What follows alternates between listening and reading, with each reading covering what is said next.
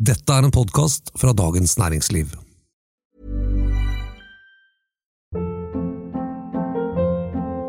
Hold up. What was that? Boring. No flavor. That was as bad as those leftovers you ate all week. Kiki Palmer here, and it's time to say hello to something fresh and guilt-free. Hello Fresh. Jazz up dinner with pecan-crusted chicken or garlic butter shrimp scampi. Now that's music to my mouth. Hello Fresh. Let's get this dinner party started. Discover all the delicious possibilities at hellofresh.com. Small details are big surfaces. Tight corners are odd shapes. Flat, rounded, textured, or tall. Whatever your next project, there's a spray paint pattern that's just right. Because Rust new Custom Spray 5 in 1 gives you control with five different spray patterns. So you can tackle nooks, crannies, edges, and curves without worrying about drips, runs, uneven coverage, or anything else. Custom Spray 5 in 1. Only from Rust It's that time of the year. Your vacation is coming up. You can already hear the beach waves, feel the warm breeze, relax, and think about work. You really, really want it all to work out while you're away. Monday.com gives you and the team that peace of mind. When all work is on one platform and everyone's in sync, things just flow wherever you are. Tap the banner to go to Monday.com.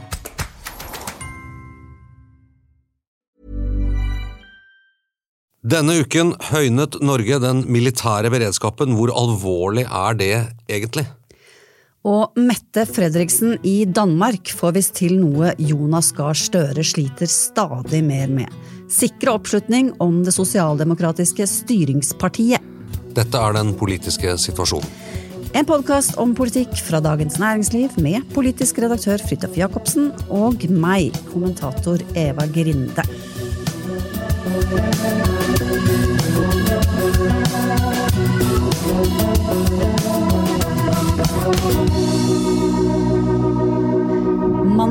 denne uken. I dag snakker vi altså torsdag ettermiddag. Og mandag tidligere denne uken så kalte altså statsministeren, forsvarsministeren og forsvarssjefen inn til en pressekonferanse, Fridtjof. Eh, det er ikke så ofte det skjer. Og du var der. Ja, det var jeg. Eh, det var altså eh, Det som ble meddelt, var at Norge hadde satt de militære styrkene opp på et høyere sånn formelt beredskapsnivå, som det heter. Eh, såkalt fase én i planverket. Ja, det var akkurat det. Det var ganske sånn påfallende byråkratisk ordbruk. Ja. Eh, det høres liksom ikke så eh, verken farlig eller spennende ut når man, når man går opp et steg i planverket. Nei, men det er egentlig ganske eh, litt smått historisk. Eh, jeg tror ikke det har skjedd så veldig ofte etter den kalde krigen. Eh, det har i hvert fall ikke skjedd siden 2014, når det nåværende planverket Altså, planverket eh, det er jo et veldig byråkratisk navn. Planverket er en, et sett med tiltak og på en måte en manual, en bok, for hva Norge skal gjøre på veien fra fred via sikkerhetspolitiske utfordringer til en krise og helt opp til en krig. Og det har forskjellige nivåer. Noen, noen, kjenner det fra sånn amerikansk, man snakker om Defcon 1, Defcon 2, Defcon 3 altså, Ja, noen, kanskje. Ja, men så er det, ja, I sånne filmer og sånn, ikke sant. Eh, er det gult, rødt eller grønt, eller er det 1, 2, 3, 4, 5 osv. Man har forskjellig Fra terrorberedskapen husker vi også Absolutt. at det er noen sånne ting. Og det, det som er et planverk, er altså man blar opp, og da er det en rekke tiltak som settes i verk. Det går på en måte fra dyp fred til full krig, og så, så, er det noen trinn innimellom der. Og det som da også kom veldig tydelig fram, var at dette her er eh, belagt med ganske mye hemmelighet, rett og slett. Ja. Hva disse trinnene består av, og så videre. Ja, og det er jo egentlig helt logisk, ikke sant? at uh, hvis vi setter Norge litt mer i stand til å forsvare oss, så sier vi jo ikke hva vi gjør, for det, da blir jo forsvarstiltakene mindre effektive hvis de vet liksom alt som skjer. Men, uh, så, uh, så, men, men, hvis vi skal Så akkurat liksom hva det betyr, bortsett fra, som forsvarssjefen sa, at Forsvaret gjør nå mer ting som er rettet inn mot dagens situasjon, enn vanlig øving og trening og, og sånne ting. Og det blir litt mer samling på konkrete oppdrag osv. Og så kan det ha noe å si for altså, Kan man bare gjette, men, men er det eksempel slik kanskje at i et, et eller annet sted etter planverket så er det sånn at norske offiserer eller ikke kan dra utenlands, f.eks. De må være tilgjengelige på kort varsel. Eller, altså det, det, jeg vet ikke om det har skjedd nå, men det kan jo liksom være sånne type tiltak. Og så er det Ja, for det, Noe av det konkrete som ble sagt, var f.eks. avlyse eh, øvelser med veldig sånn langsiktig mål. ikke sant? Mm. Sånn at ikke man binder opp eh, verken utstyr eller folk i, i, i, type øvelser som handler om veldig ja, ja. langsiktig tenkning. Men, men, og også da at forsvarssjefen får en større fleksibilitet Eh, ja. på sine folk og sitt utstyr liksom, til å plassere alt ettersom hvor det måtte dukke opp behov. Det fikk jeg veldig sånn følelsen at det var et sånn hovedpoeng her. Det, det tror jeg rett i. Han, han, sa jo også at en ting han nevnte som eksempel, var at F-35, kampfly, eh, skulle egentlig til USA og trene og være med på et sånt utprøvingsprogram for noe ting. Det er avlyst. Som andre man vil ha det kampflyet tilgjengelig i Norge, sånn at det kan brukes, f.eks. Eh, og, dette er jo i og for seg litt sånn Ja vel, man gjør det, eh, men hva Det har jo også en litt annen dimensjon, nemlig at det å holde Norge trygt og norsk territorium eh, i vanlig fredstid er en sivil oppgave. Det er politiet som eh, passer på liksom, at ting går ordentlig for seg her.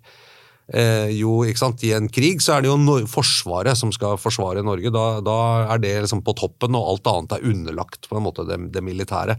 Eh, og dette eh, planverket, når du kommer, kommer, opp til det høyeste nivået, så er det jo en, da er jo Norge på krigsfot. Det vil si at liksom det er Forsvaret og, og Forsvarsmakten som tar over alt. Men, men, men det, så det er jo en Det er jo egentlig en det kom jo fra et sted, eh, og det, det som ble nevnt, understreket at dette, det, det, var ikke noe som hadde skjedd det siste døgnet eller siste uka som gjorde at vi gjorde dette, men, men under der et sted så var beskrivelsen at, vi, vi er, at man tror at vi er utsatt for et eller annet, som kalles sammensatt virkemiddelbruk, er liksom det ordet de brukte. men det kan noen snakke om hybride trusler sånn, at det er, det er, noe som skjer i Norge som kanskje er at noen prøver å gjøre noe med oss for å påvirke oss på en eller annen måte. Det er droneflyvningene, det kan være eh, fotografering, det kan være ting på påvirkning, på informasjon. altså Vi er utsatt for en eller annen form for om det er et angrep, men i hvert fall en eller annen form for påvirkning eller en eller annen forsøk på, på å liksom gjøre noe her. Ja, og det ble jo veldig sånn understreket hvor stor usikkerhet det er, og at, at, mye av behovet for å skru opp dette beredskapsnivået handler om å, om å være beredt på den usikre situasjonen. Og du har jo selvfølgelig um, disse gassrørene og eksplosjonene der, liksom, hva det avstedkom av, av tanker om hva som kan skje. Uh, den type angrep, ikke sant. Og også angrep på infrastruktur og ja, som man Kraftstasjon, alt sånt. Ja, sånn som man vet at uh, at russerne er litt sånn spesialisert på, rett og slett. Ja. Og, det, og det, det, skaper jo sånne situasjoner som, eh, som er veldig vanskelig i den forstand man kan ikke vite helt sikkert hvem som står bak. ikke sant? Altså, du kan eh, ane, og du har mistanker, og du har velbegrunnede mistanker osv. Men hvis en, har du en hær som går inn i et land, så, så vet du i hvert fall hva som skjer. Ja. Uh, så det er en sånn uh, veldig sånn ny type utfordring her. Ja, Man har jo arrestert en del sånne droneflyvere, eh, russiske, og liksom med, med, eller ikke liksom, men med en begrunnelse om at russere har ikke lov til å fly droner i Norge. ikke sant? Det, og så sier de nei, vi er sivile. Ja. Vi er turister. Glad i natur. Vi ville ta bilde av natur. Er de det, er de ikke det? ikke sant? Eh, eller ja, er noen av de det, men har de et oppdrag? Og Det er litt forskjellig. Men også har det jo vært sånn, Fram til nå så har det jo vært en del forsterket vakthold. Mange har sett at det har vært heimevernssoldater rundt enkle anlegg. Ormen Lange, eh, viktige anlegg. Mm. Særlig det som har med, med energi å gjøre. Men så vidt jeg har forstått, så har det vært at de har vært avgitt til politiet som hjelp. Altså det som heter sånn, du, Der har du en instruks Det er fortsatt politiet som er in charge? Politiet kan be HV om mm, hjelp, mm, mm. men da er det politiet som er in charge. Altså det er en sivil ting, man bare bruker mannskapet. Akkurat som mm. hvis det er terrorangrep og man skal bruke Forsvarets spesialkommando eller, eller, Forsvarets spesialstyrker, så er det politiet som må be om det, og de liksom ligger under sivil ting. Når du kommer litt mer opp i dette planverket, så er det ikke sånn lenger. Da er det Forsvaret som gjør det de mener er nødvendig for å trygge Norge. ikke sant? Mm. Ja. Så det, det, er en litt sånn viktig juridisk, eller hva skal man si, rettslig forskjell. Og så er, er det jo helt uklart liksom, hvilke, hvilke, deler av Norges sikkerhet er det nå Forsvaret som har ansvar for, og hvilke er det som sivilsektor har ansvar for? Er det begge deler? Hvem leder arbeidet osv.? Jeg håper ikke det er uklart for alle aktørene som er involvert. Eh, ikke så uklart, i hvert fall.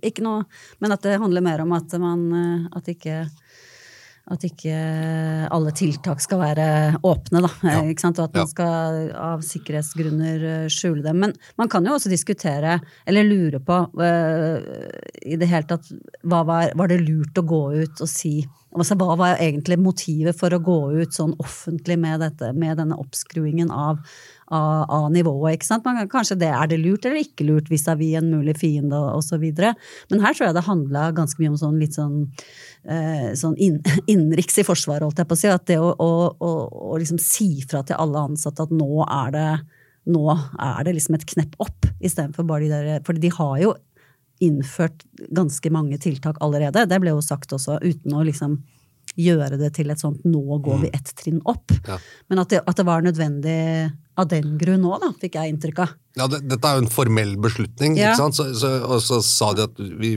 vi At det var litt indremedisinsk da også? Ja, ja, eller vi hadde ikke klart å holde det skjult. For det ville skjedd så mye at så mange ville visst om det at det, det blir naturlig. Mm. Det blir som da da politiet husker jeg en sommer hadde en veldig uavklart ting de mente var en terrortrussel. Og så bevæpnet de politiet over hele Norge. Mm. Og så sa vi vi kan ikke helt si hva som har gjort at vi gjør det, men, men vi går ut og sier at vi faktisk gjør dette nå. Eh, for at alle vil se at plutselig alle politifolk bærer våpen, til og med inne på politihusene. ikke sant? Ja. Eh, og, så noe kan du ikke det, det var det jeg sa, det tror jeg nok er riktig. Men jeg, men jeg syns ikke jeg er blitt helt klok på ennå sånn det, det, ble jo avdramatisert på mange måter, men men jeg mener en sånn beslutning, altså det å bruke planverket, som, mm. liksom, det er, en, det er et tegn på at man nok egentlig mener at det er i hvert fall en veldig, mye mer uoversiktlig trusselsituasjon mot Norge enn det, vi, enn det, det har vært. Altså, eller at dette er en type trusselsituasjon i kjølvannet av Ukraina-krigen som gjør at vi må rett og slett ha litt høyere militær beredskap formelt. Da. Og det, og da er vi liksom ett hakk fra det liksom dyp fred, da er vi liksom ett hakk nærmere krigen. hvis du skjønner. Selv om det er veldig mange hakk igjen til krig, så har vi gått som ett hakk den veien til, ja. til høyre, eller hva man skal si, på den skalaen. Ja, absolutt. Det syns jeg. Det er, det, er, det er, liksom en ganske sånn god porsjon absurditet i det, føler jeg. Mm. Altså at Norge skrur opp den militære beredskapen. Altså vi er eh, født og oppvokst i Ok, vi hadde litt kald krig sånn på begynnelsen, men det har vært mye dyp fred. Ja. Ja. Det, er, det, er, nesten ikke helt å Jeg tror ganske mange, meg selv inkludert, har litt vanskeligheter med å forstå det, rett og slett. Eh, hva slags situasjon vi er i. Og, og, ja. ja, og jeg, jeg tror det er Og hva det betyr. Ja, ja, og jeg tror, Dette er jo også en politisk utfordring å kommunisere. Altså Formelt er det kanskje ikke så vanskelig. Jeg, jeg, nå, nå, spekulerer jeg litt, men ut fra sånn, litt vanlige ting, så vil du si at i denne skalaen etter hvert som samfunnet blir mer og mer på krigsfot, så, så oppheves også en del sånn rettigheter. Ikke sant? Altså at Forsvaret kan si at ja, vi skal beslaglegge drivstoff, vi kan beslaglegge biler, vi kan bruke helikopter, vi kan råde over en masse av samfunnets ressurser. Mm. Vi kan mm. bestemme hvordan de skal brukes for å, liksom, for å ha en mest mulig effektiv eh, krigsmakt, eller forsvarsmakt, rett og slett. Eh, så det er ikke bare liksom at Forsvaret har skudd i våpnene og, og, går ut i stilling, og at jagerflyene står klare med motorene omtrent på. Hvis du skjønner, Det er liksom ikke det er også en del om hvordan hele sivilsamfunnet tar skritt for skritt mot å bli en slags eh, samfunn på krigsfot. ikke sant? Ja. Jeg bare understreker at vi er jo ikke der nå, vi vet, og det er heller ikke noe grunn til å liksom anta at det er den veien det, det skal gå, nødvendigvis. Men det er det som er planverket. Ja, ikke sant? Det er det, det, er og det er noe annet enn at politiet mm. sier nå må vi skjerpe beredskapen litt, eller vi må mm. ha litt mer vakthold her. Sånn, planverket er et, liksom et, et, annet type instrument. da. Ja, og den, den, den, er gjennomtenkt, og den ja. slutter i, i full full uh, krig. Men, ja. men, dette planverket her, som de nå har uh, satt i gang det, det, var vel Var det ikke du som prøvde å få svar på dette her? Er, dette, liksom, er dette skritt fra null til én, eller er det allerede tatt noen sånn i, i, i hemmelighet eller ikke? Men la oss si det er. Ja, Der la de faktisk ut en pressemelding. Etterpå? Ja, eller, ja sånn fra regjeringen, ja. hvor, det sto at vi har gått opp til fase én.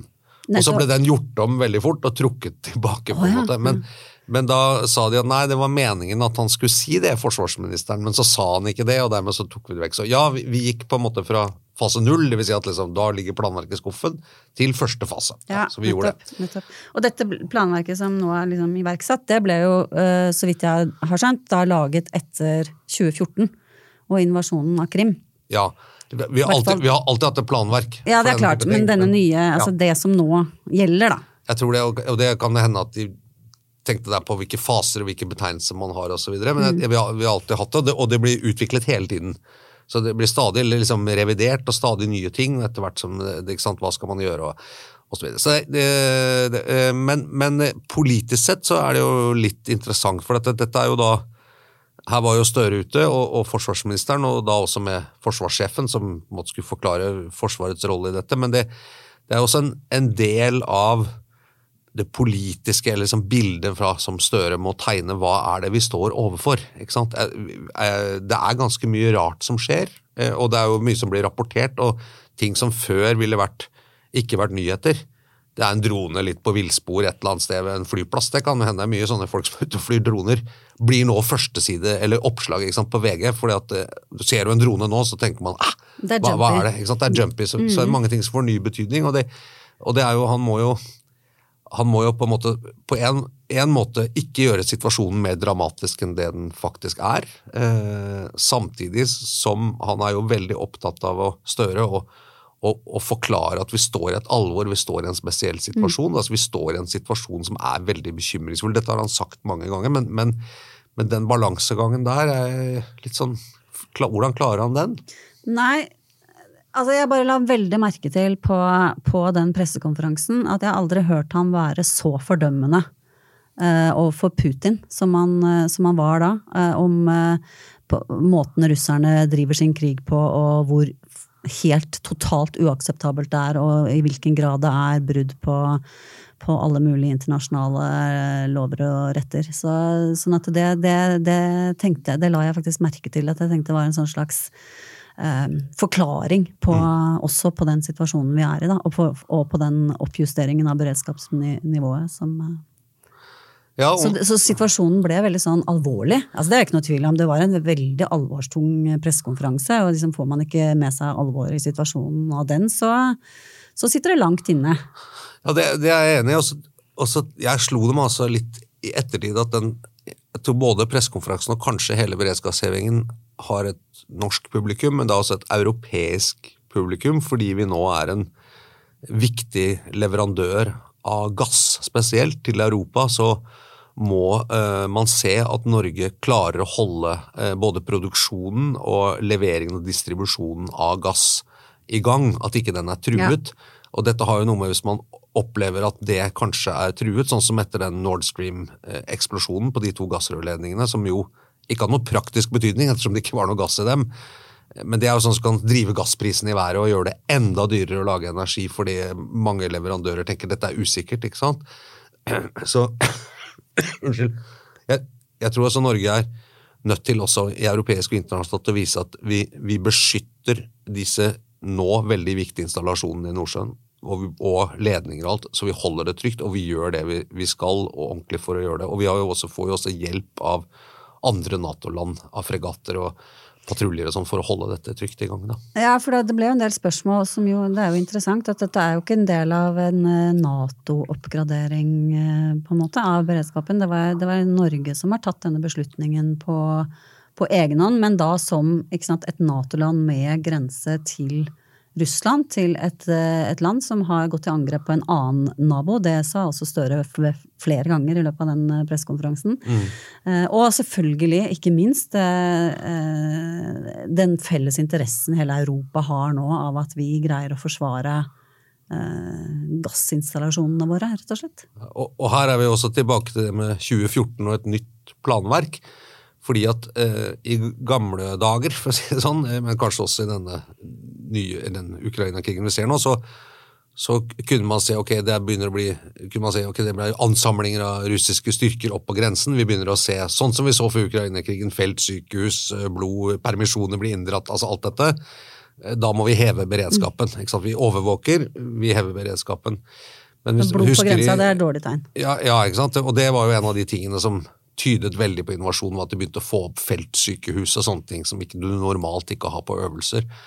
eh, nå før angrepet nå i februar. Men, men hvis du husker, eller man husker krigen i eller 2014, da de tok eh, Krim, og også der i Øst-Ukraina, så var det jo ikke et angrep vi snakket om små grønne menn.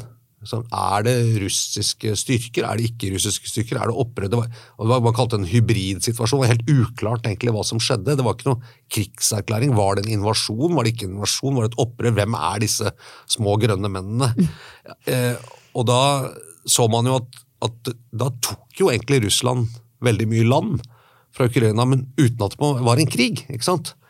Og da tror jeg man måtte si at ok, da må vi lage et planverk som også tar høyde for hva gjør vi hvis vi blir utsatt for trusler eller ting som ikke liksom, vi kan, kan si et militært overfall, men som likevel er en eller annen forsøk på ja, ikke sant? Mm. Og, da, da, og, da, var det mange som fikk det travelt med å si ok, hva er det, hva skal vi se etter hvert tegn og sånn. Og dette, En ting som er blitt løftet fram for meg mange ganger, er disse dronene ute i Nordsjøen ved olje- og gassinstallasjoner.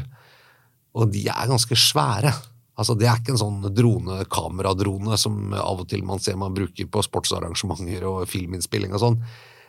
Og det er ganske mye vær og sånn der ute. Og noen sier at den typen droner, den er det ikke sivile som kan fly. liksom. Dette er helt andre type ting. Så flyr sånne kjempesvære droner rundt? Uti der, liksom. Det er, ganske, det er ikke bare bare å komme seg til en oljeplattform. Altså, skjønner du hva jeg mener? Hvorfor skal en skip liksom Å ja, jeg jeg er på en båt, jeg bare flyr en drone fordi jeg er rundt et olje. Ja, du vet, Det er noe signalisering, kanskje. Jeg, jeg, tror det er en krevende situasjon, da. Si jeg er glad for at de oppdaterer og tenker på nytt eh, absolutt hele tiden. For det er eh, ja, ganske mye utvikling på det området. Ja. Hvis vi skal da si, og vi skal jo over til liksom del to her, om det er populært å håndtere kriser osv., men, men akkurat denne trusseldelen mm. av det, den Jeg, min, jeg, jeg syns i hvert fall at regjeringen håndterer det ganske godt, eller? Jo, jeg er enig, og det slår meg også hvis jeg tenker sånn politikk. Det har ikke akkurat vært mange altså Etter den pressekonferansen så har det ikke vært mye kritikk fra opposisjonen eller noe å ta dem på. eller sånn. Man får jo en veldig følelse av at det, det er litt sånn Det var litt nasjonen som sto der. Litt sånn litt sånn uh, korona i Marmorhallen, på en måte. Altså, ja. ja. Det, var, det, det, det er ikke et tema som inviterer til mye populistisk motstand? Nei, altså jeg, hvis, hvis, Støre og, og, og, regjeringen skal lete etter årsaker til at det er upopulære, så er det ikke krigen i Ukraina og måten de håndterer den på direkte, og trusselen mot Norge og sånn. Det, det, er ikke der Nei, de sliter. Det tror ikke jeg heller. Men uh, kanskje på andre steder. Men uh, vi skal snakke om en som faktisk gjør det ganske bra. Uh, ja. Selv om det er vanskelig. Det skal vi absolutt gjøre. A lot can happen in three years, like a chatbot may be your new best friend. But what won't change? Needing health insurance. United Healthcare Tri Term Medical Plans, underwritten by Golden Rule Insurance Company, offer flexible, budget friendly coverage that lasts nearly three years in some states. Learn more at uh1.com. It's that time of the year. Your vacation is coming up. You can already hear the beach waves, feel the warm breeze, relax, and think about work.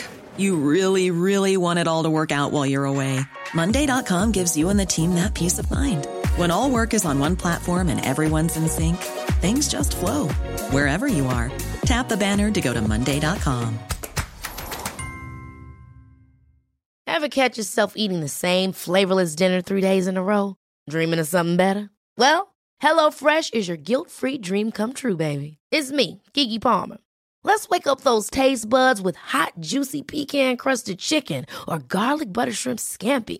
Mm. Hello Fresh. Stop dreaming of all the delicious possibilities and dig in at HelloFresh.com. Let's get this dinner party started.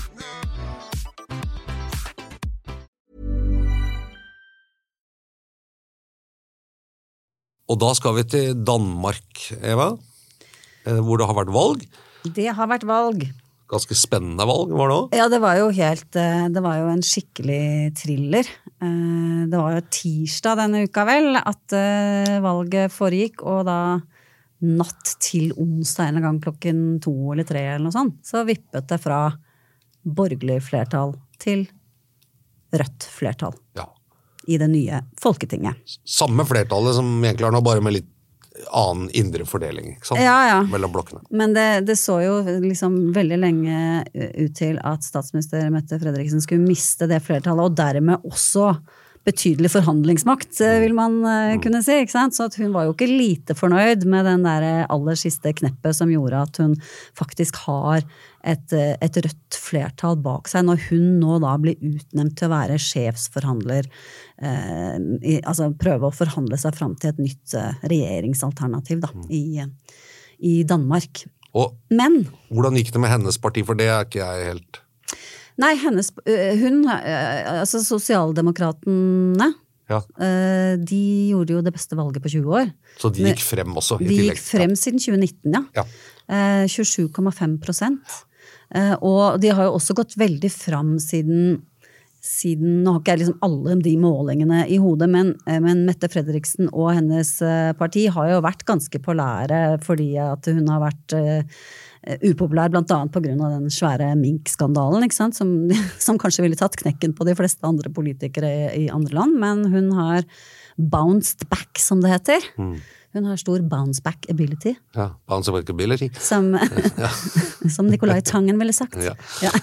Det høres veldig dansk ut. dansk. Eh, bounce Ja. back ability. Men, men dette er jo litt interessant, for det å ha vært statsminister eh, og en ting er å sikre gjenvalget for din blokk, men at også partiet ditt går frem. Det vil si at du er blitt mer populær, og ditt parti er blitt mer populær av å sitte med makten i en ganske krevende situasjon, både pandemi og nå denne krigen. ja. Det er det vi tenker på. Liksom sånn, tenker Det viser at det går an. Ja, ja, ikke sant? Det er det som er, det er, det som er poenget. Fordi, altså, omtrent eh, samtidig da, med, med, med dette valget, så kom jo liksom all time low-målingene for eh, Jonas Gahr Støre og, eh, og Trygve Slagsvold Vedum. Eh, aldri har de vel Altså, det var vel den fra Aftenposten og NRK, hvor Arbeiderpartiet lå på 18,6 eller noe sånt. Og, eh, og Senterpartiet nesten ned på sperregrensa. Så, sånn at, og, og, og de har jo vært ganske sånn raske til, og det har jo kommentatorer også for så vidt, til å forklare det at de sliter så voldsomt eh, fortsatt etter et helt år i regjering med liksom alle, alle kriser, med, med ytre omstendigheter som gjør det fryktelig vanskelig, og ingen ville, ingen ville greid å opprettholde populariteten med, med denne verden osv. Men, men eh, ja, så da får du liksom en nabo som eh, som, eh, som får til det, da. Så det må være sånn ekstra eh, ja, kjedelig. og som er et forbilde også politisk, som trekkes frem som en som liksom et slags inspirasjonskilde for eh, sier, dagens sosialdemokratiske tankegang, i hvert fall Ja. i Arbeiderpartiet. ikke sant? Ja, og kanskje egentlig ikke minst eh, den, den alliansen mellom Senterpartiet og Arbeiderpartiet. For Mm. det, for det Mette Fredriksen i stor grad gjorde i, da hun vant valget sist, var jo, var jo liksom å satse på den lille, vanlige mannen ute i Distrikts-Danmark. eh? På, på en måte som lignet ganske mye på, på Senterpartiet og etter hvert Arbeiderpartiets eh, strategi da, for, å, vinne, for å vinne velgere. Arne, ikke sant? Det var Arne i Danmark, ja. på Jylland. Og, Arne på Jylland. det, det som også er interessant, som, jo eh, sosialdemokratene da, Mette Fredriksens parti har jo hatt styrt alene eh, fram til dette, det, de, men det de har hatt et avklart et papir, ja, ikke sant? Et papir, et styringspapir, med, altså rett og slett en slags Nydalen-avtale med eh, flere partier på venstresiden som har vært eh, grunnlaget. En slags hva man sier, budsjettforpliktende eh, politisk samarbeid, konkretisert ned i et papir. Og det eh, Rødt, før valget i fjor, tok til orde for at det ville de gjerne ha. De sa vi sitter i regjering og sånn, men vi går inn for å ha et, på en måte et avklart, egentlig sånn type Nydalen eh, som de borgerlige partiene hadde da Høyre og Frp ble satt, sittende i regjering, KrF og Venstre på utsiden, så hadde de et papir, et slags program, en forpliktende ting. Dette skal vi gjøre, dette her har vi hatt give Ja, and take. selv om de ikke var i regjering, så hadde de en avtale om å samarbeide Ja, i ja. Stortinget, ikke sant? Med politisk innhold, ikke sant? Ikke bare vi skal samarbeide, men, og det, det har man hatt i Danmark. Det øh, var det jo ingen vilje til her. Eh, verken med SV eller med, med Rødt eller MDG, for den saks skyld. Eh, men det har altså tydeligvis vært vellykket, i hvert fall for det sosialdemokratiske partiet, å styre på det grunnlaget i fire år, må vi vel kunne si. Ja, ja det er vanskelig å si om liksom akkurat det har det hva som, har, hva som har ført til det. Men det, det, har, det, har, jo i hvert fall vært en styringsdyktig eh, regjering som da kommer tilbake med et smell med, ved dette valget her, og nå er det altså nå er det altså Mette Fredriksen som skal, skal, forhandle og finne ut hva slags ny regjering hun skal få på beina. Og det som er interessant, er jo at hun er jo ikke interessert i å hun er jo interessert i å gå over midten, som det heter. Mm, mm. Hun har ikke tenkt å utnytte dette eh, røde flertallet til å lage en rød regjering. Verken på den ene eller andre måten. Eller i hvert fall, det er det hun sier, da. Ja. Og det var det hun gikk til valg på. ikke sant? Og, og jeg lurer på om det er noe Om hun, om hun gjorde noe ganske sånn genialt både ved eh, åpningen av eh, Folketinget. Da hadde hun jo en tale som virkelig ble lagt merke til. Var, hvor hun greide å plassere seg selv som en type sånn eh, ikke sant, Det er kaos eller meg. Eh, mm. hun var landsmoderen, hun var den ansvarlige, hun var den som kunne styre landet. Og hun, jo, hun hadde en, en, en, veldig bra bygget, oppbygd tale hvor hun trakk frem tre medlemmer av Folketinget som nå skulle gå ut etter lang og tro tjeneste i Danmarks demokrati. De hadde viet sitt liv til danske demokrati. Og disse tre personene fortalte hun veldig personlige historier om. Og de kom fra forskjellige partier, og, og fra, fra, borgerlig blokk osv. Det var ikke noe sånn. Så den, og så har hun greid å holde det imaget eh, veldig det gjennom valgkampen.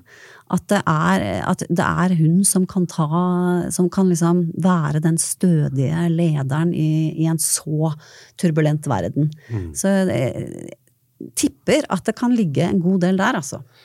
Og eh, jeg hørte også noen analyser fra danske politikere som jeg hørte på, på NRK, jeg tror Politisk kvarter eller noe sånt, men som jeg var interessante, nemlig at i Danmark det er, det er jo 14 partier, og det er veldig persondrevet. Politikk handler veldig mye om personer. Eh, det er også et lite land, men uh, som oss. Små partier, da blir det ofte det òg? Ja, men, men, og det er klart, vi snakker den grensen mellom sosialdemokratene eller Er det Mette Fredriksen vi snakker om når vi snakker om sosialdemokratene? Mm. For meg så minner hun litt om Erna Solberg, nemlig at Høyre er lik Erna Solberg, og Erna Solberg er lik Høyre. Og det er det hun sier. altså hvis du skjønner, det er det, det, det, er nesten ikke et parti lenger, det er et, en leder som eh, legemliggjør et parti, da, på en måte. Ja, og, og, som har veldig mye makt. Og Mette Fredriksen er vel litt samme typen politiker. At hun er, hun er kanskje litt rask, litt utålmodig, det så man i Mink-skandalen osv., men hun er så ubestridt liksom en frontfigur for hele tingene at jeg kan ikke navnet på noen andre sosialdemokratiske politikere, egentlig. Nei. Nei. Hun har en veldig naturlig autoritet, og, kritikken mot henne går jo på, på arroganse og mm. på selv, altså egenrådighet, og mm. nemlig liksom handle for fort, stole for mye på seg selv. Ikke sant? Og det er jo den bak, ulempen ved den type egenskap, men, men, men, fordelen er jo det å fremstå som, som en, en sterk politiker. Men jeg tenker også at det at hun nå appellerer mot midten. Uh, og det også forsterker liksom hennes rolle som person da, uh, oppi det hele. ikke sant? At det er ikke partiet og det sosialdemokratiet som hun representerer, men, det, men, hun ser vel for seg at hun skal være statsminister i en, i en regjering bestående av, uh, av lilla, ja, lilla, partier, for å si det sånn. Ja, Vi får se hvordan det ender, men det, men, men det er jo også interessant det at eh, politikk handler jo av og til om at alt du gjør som leder når du er satt på ting, må forankres veldig bredt.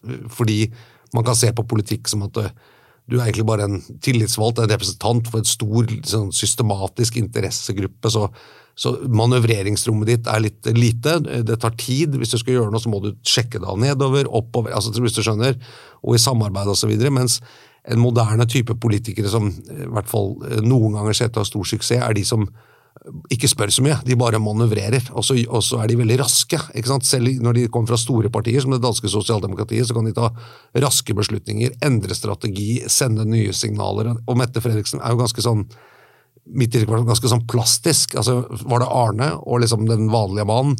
Og så videre. Og så så ja, nå sliter vi litt eh, i byene, og vi sliter litt med de unge. Da legger jeg bare om litt den retorikken. Nå er det på trygghet.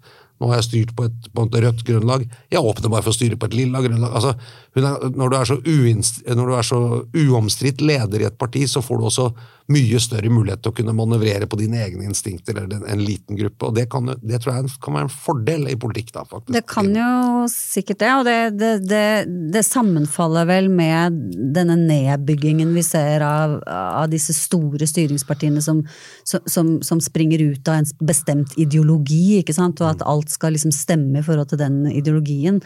Eh, det er det jo mindre av. Altså det du beskriver er jo egentlig pragmatisme og kanskje det å være motivert av å lede framfor å lede noe altså framfor å få til noe spesielt. Da. Så det kan jo være både positivt og negativt, det da. Ja, men... Det kan jo appellere veldig til folk som, som, er mer opptatt av makt og posisjon enn av uh, hva de skal gjøre med den makten og posisjonen. Ja, men, men, og det kan være mye, men, men for oppslutning, hvis du har gode politiske instinkter og leser litt sånn tidsånden og samtiden, og så bare endrer du politikk, narrativ, retorikken ganske fort etter det. Eh, og kanskje, og det, det, men jeg tror Mink-skandalen er liksom et tegn på at der gikk det for fort. Hadde hun spurt litt det, så ville man kanskje sagt at det, det er ikke så lurt, og det, og det er kanskje ikke lov engang. Så, men, men, hun overlevde det, da. Det er jo litt spesielt. Men den, men, den, måten å gjøre det på, det går veldig bra hvis det går bra. Værhanemåten? Ja, det er ikke værhane. Jeg tror det er liksom Det, det går fort, altså. Det går fort i media. Det går fort, altså, ja. Verden går fort, så, ja. du, så du, må reagere ganske fort. Du skal jo lese de folka du er satt til å ta beslutninger for, det er ikke det. Sånn, ikke det, ikke det, er jo, det er jo fallgruver på begge de sidene der. Hvis du blir helt stivna ideologi og ikke greier å skjønne hvordan verden forandrer seg, så har du et problem også. Eller du må hele tiden må spørre partiet om lov, liksom. Og mm. kan jeg gjøre det? Nei, for da vil du alltid være noe og si nei, det kan du ikke gjøre, motstand osv. Men du, du, så Liz Truss, for eksempel, i Storbritannia ikke sant? prøvde jo å si at ja, jeg skal bare skikk, skikk, skikk, gjøre sånn og sånn, og frem og tilbake, og jeg tar ikke noe avsjekk. og det kan jeg bare gjøre. Det gikk ikke. Da var det rett ut. ikke sant? Og, og det tror jeg, hvis vi skal ta mot, mot denne regjeringen, så er det jo en blanding av at de både gjør ting litt fort, kanskje uten å spørre så mange, og så blir det mye motstand og upopulære ting. Selv når de lager statsbudsjett og trenger noen milliarder? Ja, og også eh, når det ikke går bra, så vil jo alt du ikke forankrer, ville sagt å ja, hvis du bare hadde spurt oss, så hadde du ikke gjort disse dumme ting. Altså, Da vil du være svak. Så det, det, å kunne gjøre det, tror jeg liksom Erna Solberg kunne aldri vært så uins, liksom, uomstridt leder i Høyre og hatt så mye definisjonsmakt over Høyres politikk hvis ikke det hadde gått bra hvis det hadde gått dårlig, og Høyre hadde gjort et skikkelig dårlig valg, f.eks. i 2017, så, så, ville jo ansvaret ligget hos henne, og, det, og hun ville hatt det, måtte ha liksom spurt hele tiden. Så det der det er veldig krevende. altså Det er nesten sånn for å, ha, for å gjøre det bra, så må du kunne liksom være manøvrere selv, bestemme selv, ha mye sånn makt over de daglige beslutningene det får du først hvis det går bra. Så, så, hvis det først har begynt å gå dårlig, så mister du den makten, og da går det enda dårligere. Det er, sånn, det er ja. min husteori da, mot politisk kommunikasjon. Ja. ja. nei, men, eh, men øh, hva er det som gjør at det er så forferdelig vanskelig for regjeringen? Altså, jeg, jeg syns jeg ser et slags opprør nå, et distriktsopprør mot Vedum. Eller ikke bare syns jeg ser det, det, det, det er jo i ferd med å ta skikkelig form. Et vestlandsopprør mot, uh, mot Senterpartiet. Uh, det er ikke lett. Nå skal de, nå skal de ut og så, altså de, Særlig denne lakseskatten, den er liksom den der den veldig den har jo ført til, til opprør og demonstrasjonstog. Eh, men der så jeg at Vedum var, var, ute og forsikret om at ja, den kan det godt hende at vi modererer litt på. Ja, jeg, eh, jeg hørte jeg snakket med, jeg har vært på et møte med norske redaktører og møtte en gammel kollega som er redaktør i jeg tror det er Namdalsavisa, altså oppe i Nord-Trøndelag. og Der fortalte han der hadde vært fakkeltog arrangert av LO til støtte for laksemilliardærer som nå får skatt. Ja. ja det sier jo noe. Det er, det er, det er komplisert. Eh, men, men, hvis jo, det skal men jeg gi tror disse laksemilliardærene er ikke nødvendigvis så upopulære i de samfunnene der de bor. Meget populære der de bor. Ofte åpenbart, populære. Masse arbeidsplasser og masse, selvfølgelig, økonomi. Men, men hvis jeg skal prøve å Jeg har tenkt mye på hvorfor går det så dårlig sånn for for det gjør det. det må jeg liksom, mm. så, så tror jeg og dette er, det høres kanskje helt banalt ut, men det tror jeg er Skjønner ikke hva dere driver med. Vi skjønner ikke hva de driver med? Nei, skjønner ikke hva dere driver med. Det, det, går, det, det, går, ikke opp. Skjønner ikke hva dere egentlig gjør. Hva er prosjektet? Er det, ikke bare prosjektet, men liksom, hvorfor gjør dere Det er så vanskelig å for... Skjønner ikke helt hva dere driver med. Dere sier, altså, Jonas Gahr Støre ga et intervju han sa Jeg er forberedt på å være upopulær, gjøre upopulære ting, for jeg mener det er det som må gjøres i møte med denne krisen. Ja, det, ja, det, det er, står det respekt av. Men jeg, jeg skjønner ikke sammenhengen mellom politikken som føres, og hans beskrivelse av krisevirkeligheten. Jeg, jeg, jeg at Hvilken politikk som føres er det du ikke syns eh, stemmer? da? Altså statsbudsjettet, for eksempel. Er det et Det er vanskelig å kommunisere. Er det et krisebudsjett? Ja, på en måte, for det skal finansiere strømstøtte til husholdninger. Men så skal det samtidig sørge for at Norge ikke går for bra. Og så, noen ganger, så er det Nei, det skal være fordeling. Det skal liksom være så mange ting. Og fordeling, hvordan har det sammenheng med høye strømpriser eller krigen i Ukraina? Altså, jeg, får jeg får liksom ikke dette til å gå opp i en sånn jeg, jeg tror kanskje befolkningen sier at vi kan ta en del belastninger, vi kan ta en dugnad, vi kan ta et tak, men vi må forstå for det første, hva er det som skjer, og hvordan vil mitt bidrag hjelpe til at dette går best mulig? Og det tror jeg ikke er så lett å forstå. Nei. Eh, Jeg vet ikke, skjønner du det? Liksom? Hva som er prosjektet til regjeringen. Eh, nei, jeg, jeg syns det, de, de bakser med liksom som, å løse problemer som blir kasta på dem, og så, og så har de mm, Jeg syns jo det er, de har et omfordelende pro prosjekt. Altså at de, eh, en del av det de gjør, stemmer overens med å ta fra de rike og gi til de fattige. Eh, altså både på skattlegging, eh, denne 750 000-grensa osv. Eh, man kan jo være enig eller uenig, men eh, jeg syns ikke det er uforståelig. Nei, men er det, er det et kriseprosjekt? Nei, de prøver Det kan begge gjøre deler. når De prøver begge deler. Ja, ikke sant? altså, Ja. ja, ja, nei, det er ikke krigsregjering. Nei, det, kanskje, de, kanskje, det hadde vært, altså, kanskje det er det Mette Fredriksen har fått til litt bedre? er Liksom sånn, nå, må, vi- nå er det bare samling på midten, og nå, nå er det nasjon Danmark som står altså, Mens, mens uh, Støre-regjeringen prøver jo fortsatt å gjøre det den lovte i valgkampen. Eh, nemlig fordeling, eh, omfordeling blant nordmenn. Helt utenom krisen.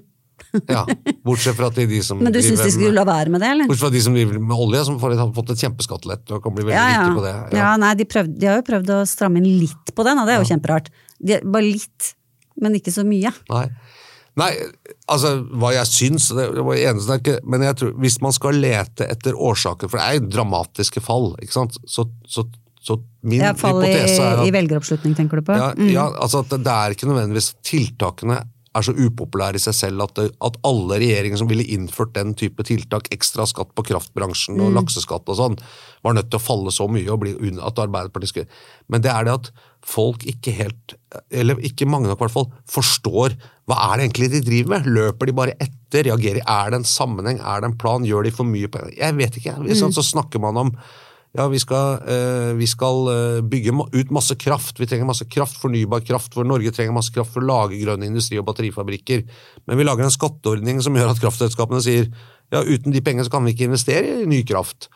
Nei, skal vi lage ny kraft, skal vi ikke lage ny kraft. Skal vi, skal vi elektrifisere sokkelen, som ble sagt hele tiden? Skal vi ikke det? Nå har de meldt inn økte klimamål, skal de melde inn på det toppmøtet. Men hva er planen for å få disse nye klimamålene når vi skal produsere masse olje og gass? Og slippe- Det er masse som ikke går Det opp. går ikke De har ikke svar, svar på allting, men Nei.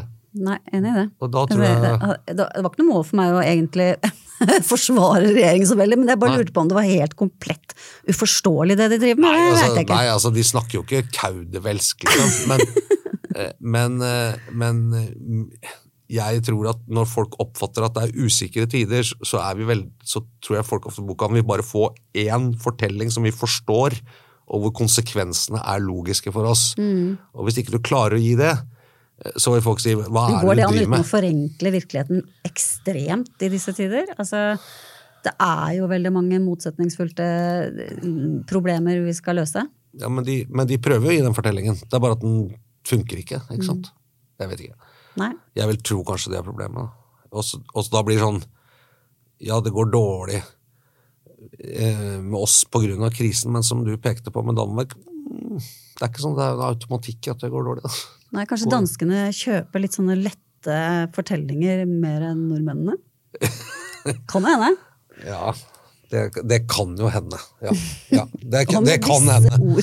Og ja, det kan hende. Det er en interessant hypotese. Den kan vi ja, det kan vi tygge litt på. Det, tror jeg, jeg tror ikke det danske selvbildet er der, men eh, det kan jo du har rett. Det er Det var en eh, lang utgave av den politiske situasjonen med mye å snakke om, men uh, håper det var sånn passe interessant, da. Jeg syns det var gøy. Ja, det er bra. I studio Eva Grinde, som er kommentator i Dagens Næringsliv, og meg, Fridtjof Jacobsen, som er politisk redaktør i Dagens Næringsliv. Podkasten heter Den politiske situasjonen. Den er også fra Dagens Næringsliv. Det er den. Ja. Alt er fra Dagens Næringsliv, Og vår produsent Gunnar Bløndal han jobber også i Dagens Næringsliv. Så dette, det er in-house production, som Tilfeldig neppe. i Danmark. Ja. Vi er tilbake neste uke. God helg, alle sammen. God helg.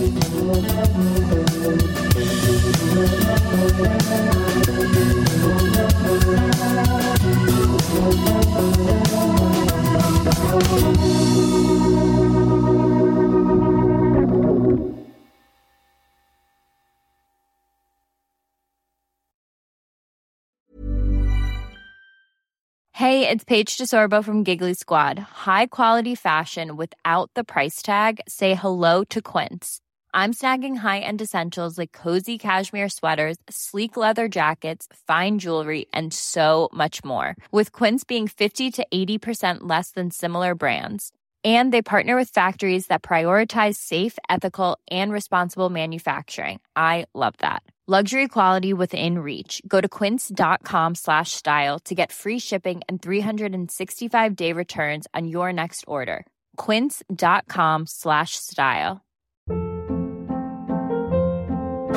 Hold up. What was that? Boring. No flavor. That was as bad as those leftovers you ate all week. Kiki Palmer here, and it's time to say hello to something fresh and guilt-free. Hello Fresh. Jazz up dinner with pecan-crusted chicken or garlic butter shrimp scampi. Now that's music to my mouth. Hello Fresh. Let's get this dinner party started. Discover all the delicious possibilities at hellofresh.com.